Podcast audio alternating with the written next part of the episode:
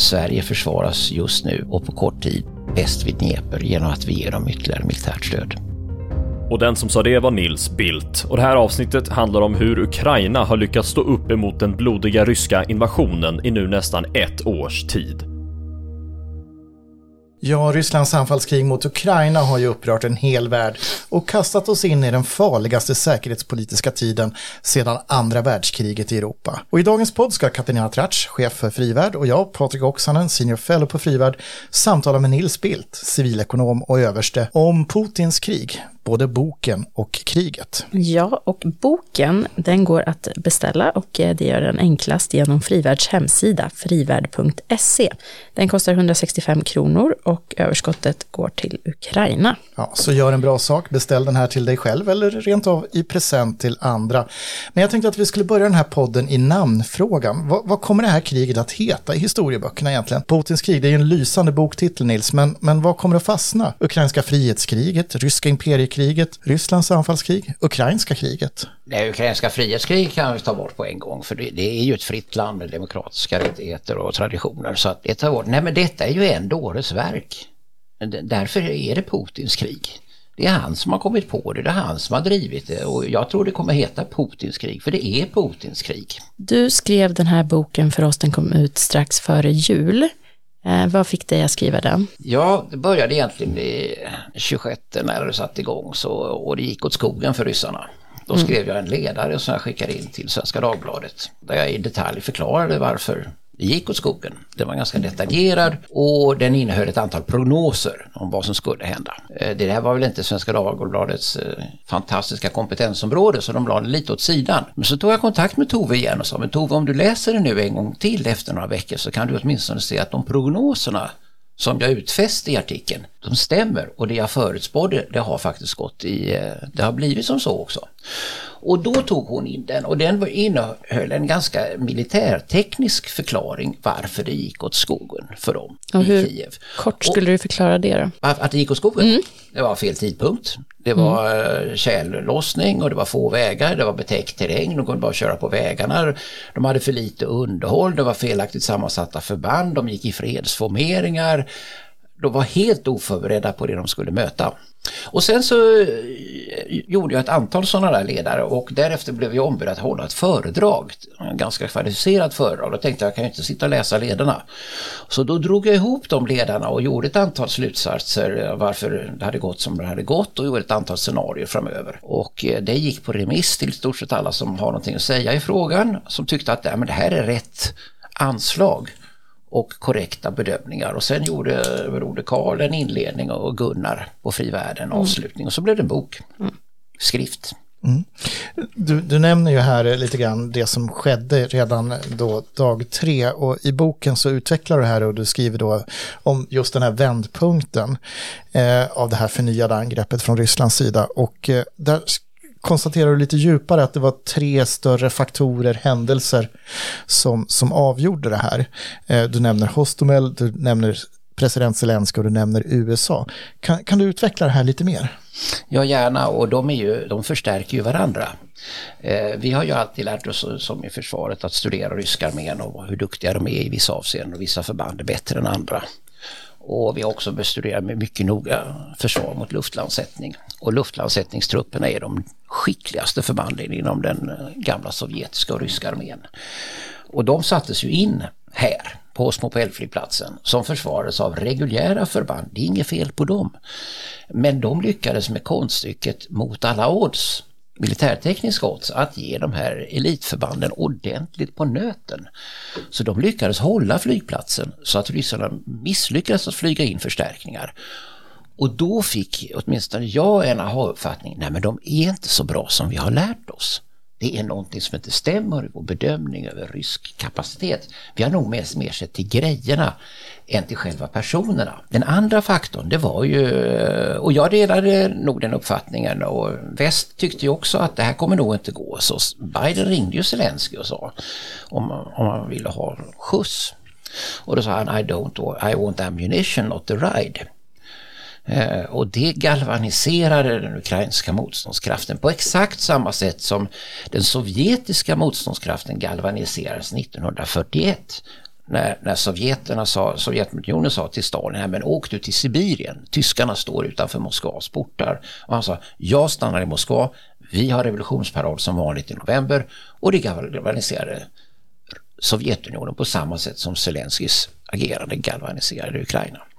Sen har vi ju det faktumet att eh, Biden ganska tidigt committade stora medel, totalt sett 39 miljarder och nu blir det ytterligare 45 miljarder dollar. Och det den ekonomiska potentialen som de har och militära förmågan, den, när den får full effekt då är den svår att stå emot. Och de här tre tillsammans gjorde ju att försvaret av Kiev och Ukraina höll. Mm. Eh, ett av dina kapitel heter Därför är ukrainarna bättre. Och så listar du elva punkter på varför just ukrainarna är bättre då än ryssarna. Kan du, kan du kort sammanfatta här, vad, vad handlar det om? Hela världen har ändå på något sätt häpnats av den ukrainska motståndskraften och eh, kampförmågan. Eh, ja, för det första så de slåss ju på hemmaplan. Och det är såklart det är drivkraft som är större än allting annat och moralen behåller sig till massan som 10 till 1 brukar man säga. Så bara det faktumet är nästan alena avgörande i förening med ett antal andra. Eh, för det andra så har de visat sig ha en fantastisk utvecklad strategi med olika faser. Först klipper vi till där och sen klipper vi till där och sen gör vi det. Och de har en sammanhållning i sitt agerande som Ryssland inte hade. De agerade ju på fem olika fronter, individuella fronter. De försökte göra allt på en gång och det gick ju inte. Och det tredje är ett militärtekniskt begrepp som heter att ukrainarna nu kan agera på de inre linjerna. Fronten ser ut som en halvmåne och i mitten finns Ukraina. Och den här fronten är 100 till nu 80 mil om vi tar vid floden vid Dnepr. Och, men om man står i ytterkanten och ska ner till södra kanten som ryssarna, då är det närmare 100 till 140 mil. Så ukrainarna kan dominera det hela ganska skickligt De säga nu anfaller vi som man sa mot Cherson som man skulle göra i september. Då förstärker ryssarna mot Cherson och så anföll de ju istället upp mot Charkov. Och, och, och därmed så tog de Charkov och sen tog de Cherson. Och det är en kombination av strategin att agera på de inre linjerna. Sen är ju det faktumet att de har helt överlägsna underrättelser från USA som bara ger dem och väst ser allt, hör allt. Varenda sak, varenda skyttegrav som har grävts genom satellitövervakningen noteras. Varenda ny parkerad bil noteras. Varenda telefonsamtal registreras. Varenda kluster av telefonsamtal registreras. Och de är nog väldigt, och varenda teknisk, vapenteknisk detalj registreras. Och det där överförs ju i realtid hela vägen fram till en, en kanon som sätts, en, som, som skjuter direkt i prick inom några minuter.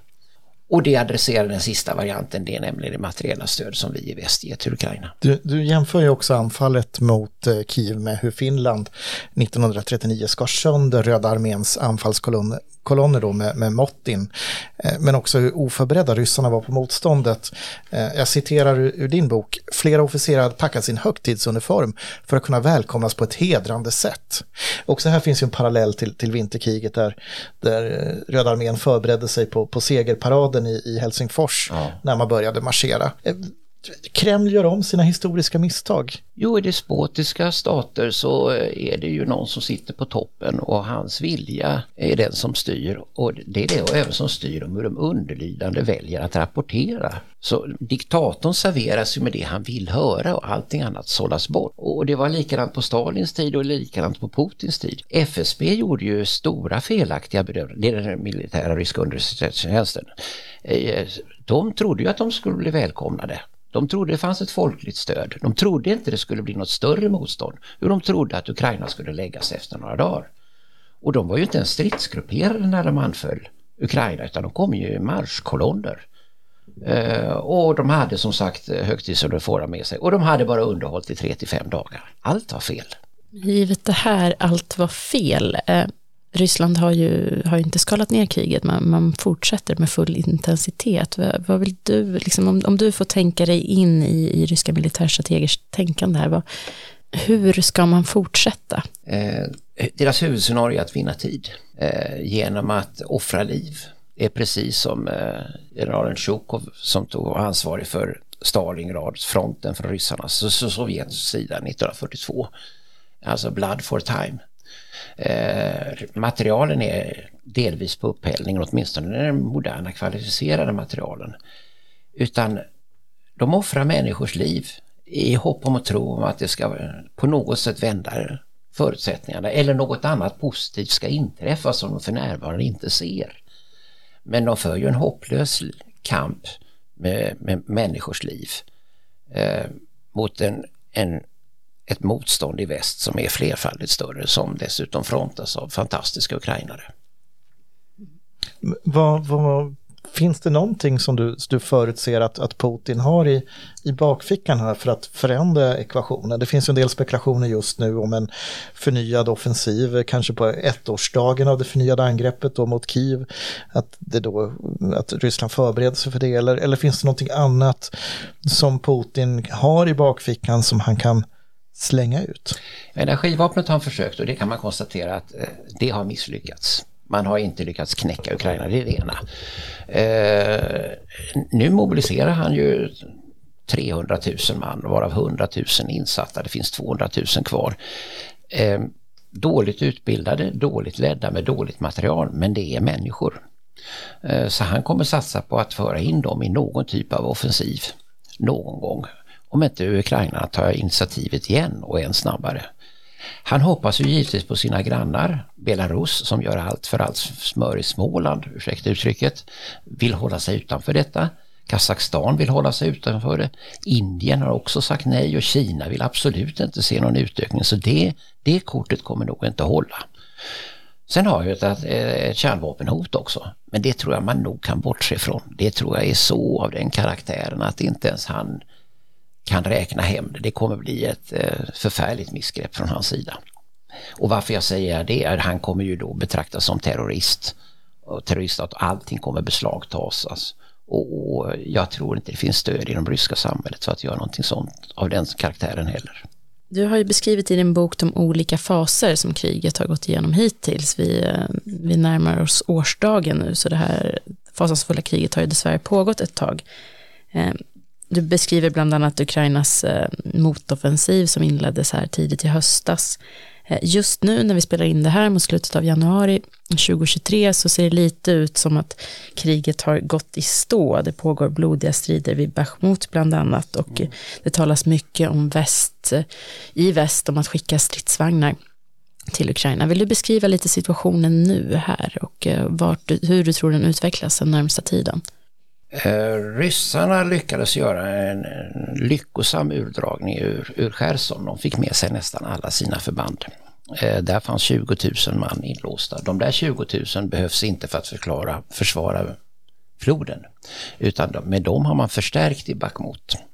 I Bakhmut så finns också Wagnergruppen som av prestigeskäl har satsat på att vi ska ta Bakhmut, en stad som har begränsat eh, operativt eller strategiskt värde.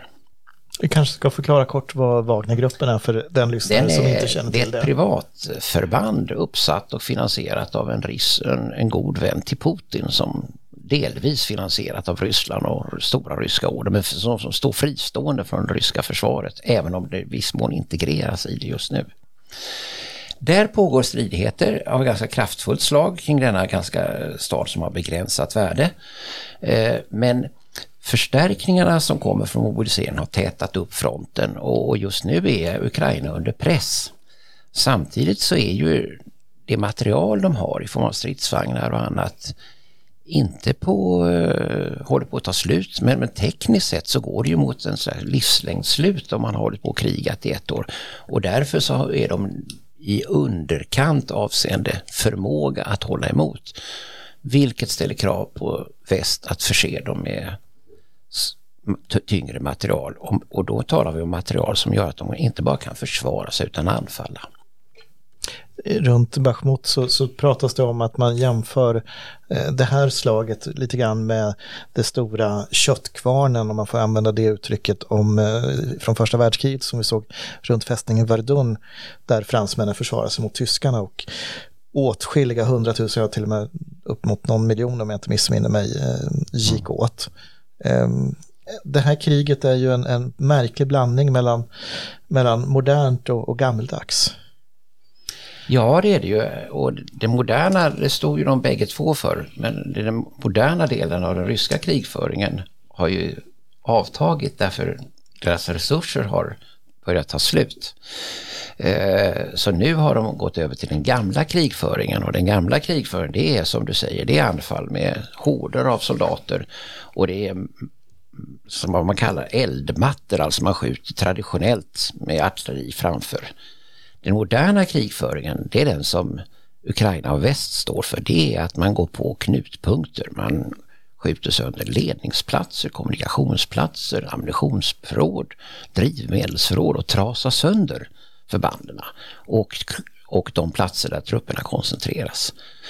Eh, så visst är det en stor skillnad i, i teknologiskt höjd på krigföringen även om man inte ska underskatta delar av de ryska vapnen. Jag tänkte vi ska slänga in lite mer om dig här mitt i podden. Nils, vi introducerade dig bara väldigt kort i början, men vill du berätta lite mer om dig själv och inte minst om din militära bakgrund? Jaha, jag är eh, officer, reservofficer, så jag har bara tjänstgjort lite då och då. Men, men med tiden har det ju blivit ganska många. Jag har tjänstgjort i pansartrupperna som stridsvagnsofficer, som underrättelseofficer och på central nivå i många olika befattningar. Så jag är van vid att göra sådana här analyser. Eh, sen är jag därutöver civilekonom och företagare, det vill säga jag har den ekonomiska dimensionen därutöver. Och så har jag slutligen arbetat väldigt mycket internationellt, så jag har en internationell dimension. Jag har bott i USA, jag har bott i Kina, jag har bott i eh, Sydamerika och jag har varit väldigt mycket i Ryssland. Jag har säkert varit i Ryssland eh, någonstans mellan 50 och 100 gånger. Mm. Så jag förstår det hela. Jag förstår ryssarna jag lider med ryssarna men det är ett förfärligt krig som deras chef och ledare utkämpar. Mm. Och mot bakgrund av det här och din erfarenhet eh, av Ryssland men också det militära. Eh, väldigt många blev ju förvånade av det här kriget. Eh, hur reagerade du? Ärligt talat, jag trodde inte det skulle bli krig. av flera skäl. Ja, de, de var alldeles för få. Eh, för att kunna lyckas. Alltså, det var 130 000 för att ta ett land som har 44 miljoner invånare. Det finns inga förutsättningar för dem, så jag trodde det var politiskt skrammel. Sen när jag ville studera militär eh, sovjetisk eh, teori så finns det två tecken som är karaktäristiska. Det är överraskning och vilseledning och då låter man inte 20 000 fordon stå uppställda på idrottsplatser fullt synliga i sex månader. Eh, så jag trodde att det skulle bli, jag trodde inte de skulle våga. Och jag tror faktiskt att omslagspunkten kom väldigt sent. För, för man hade ju inte gjort i ordning förbanden för strid. Och order hade inte gått ut till de lägsta nivåerna och det var ju ofullständigt organiserade och grupperade. Så jag tror att det blev som så att man eh, ville men sen blev det diplomatiska förhandlingar i december och sen så blev det OS och då sa Kina det gör ingenting. Och sen så blev väderleksförhållandena de absolut sämsta men då beslöt man sig fem över tolv att nej men vi gör det i alla fall. Mm. Den här eh, Rysslands avsikt då med, med det här kriget, eh, vad, vad, skulle du beskriva det som? Vad, vad, vad, vad ville Ryssland uppnå med det? Jag tror det är tre faktorer som spelar in. För det första har han ju sagt att Sovjetunionens eh, sönderfall var den största tragedin i, i Rysslands historia på 1900-talet. Han vill återskapa Sovjetunionen. Och det innefattar Estland, Lettland, Litauen, eh, Belarus och Ukraina såklart. Va? Och i Sovjetunionen så ingår ju också en säkerhetszon. Och, och eh, där ingår mycket, men där ingår även Polen. Eh, han vill eh, säkra Ryssland än längre bort som Sovjetunionen är det Atlantutloppen och det kan vara de baltiska, eh, förlåt, eh, eh, Balt, utlopp, Öresundsutloppen också. Ur, ur Baltic Sea, jag ja. tror att vad du försökte snubbla ja. där. Och sen så finns det därutöver en annan faktor, det är den panslavismen.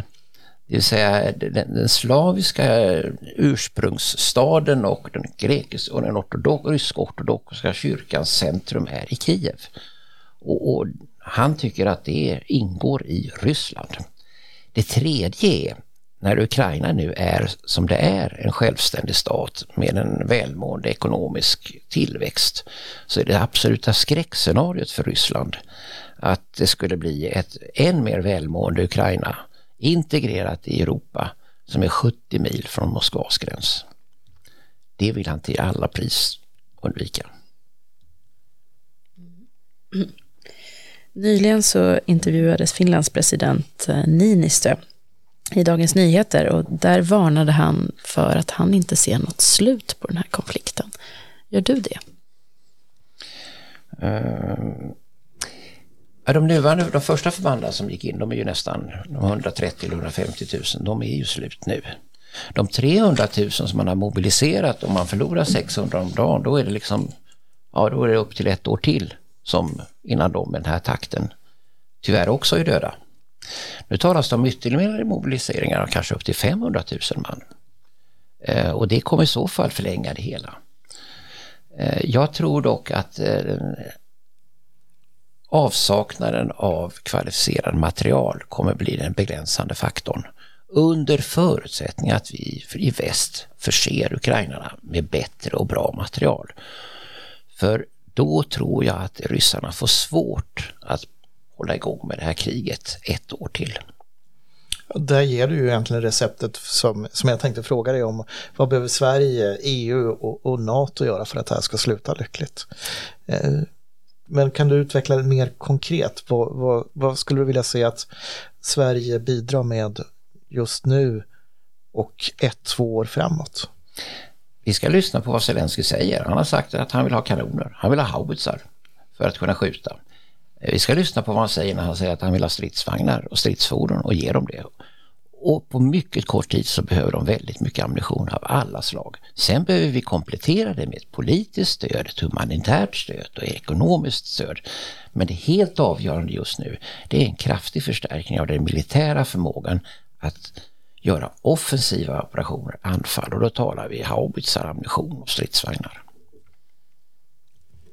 Hur ser du på den politiska viljan i väst då, att, att gå det här till mötes? Ja, det är ju skamligt med tanke på att USA ställer upp 100, 1200 stridsvagnar på en gång och vi håller på och tjatar om det ska ha 10 eller 20 eller någonting sånt där. Det är inte hedrande. USA ska ha all heder, England ska ha all heder. Resten av oss får tyvärr stå i skamvrån ett tag tills vi verkligen visar och att mm. vi är handlingskraftiga och kapabla att göra det de vill. Polen och de baltiska Polen, Polen, Polen och de baltiska länderna, ja. de har skänkt en del. Ja. ja. Även strids, stridsfordon. Men eh, vilken värld hade vi levt i idag ifall allt avgörande hade varit i, i Berlin, Paris och Bryssel? Det vill säga Ryssland hade lyckats med, med det här i Ukraina, vad hade vi varit då? Törs man ens tänka på det?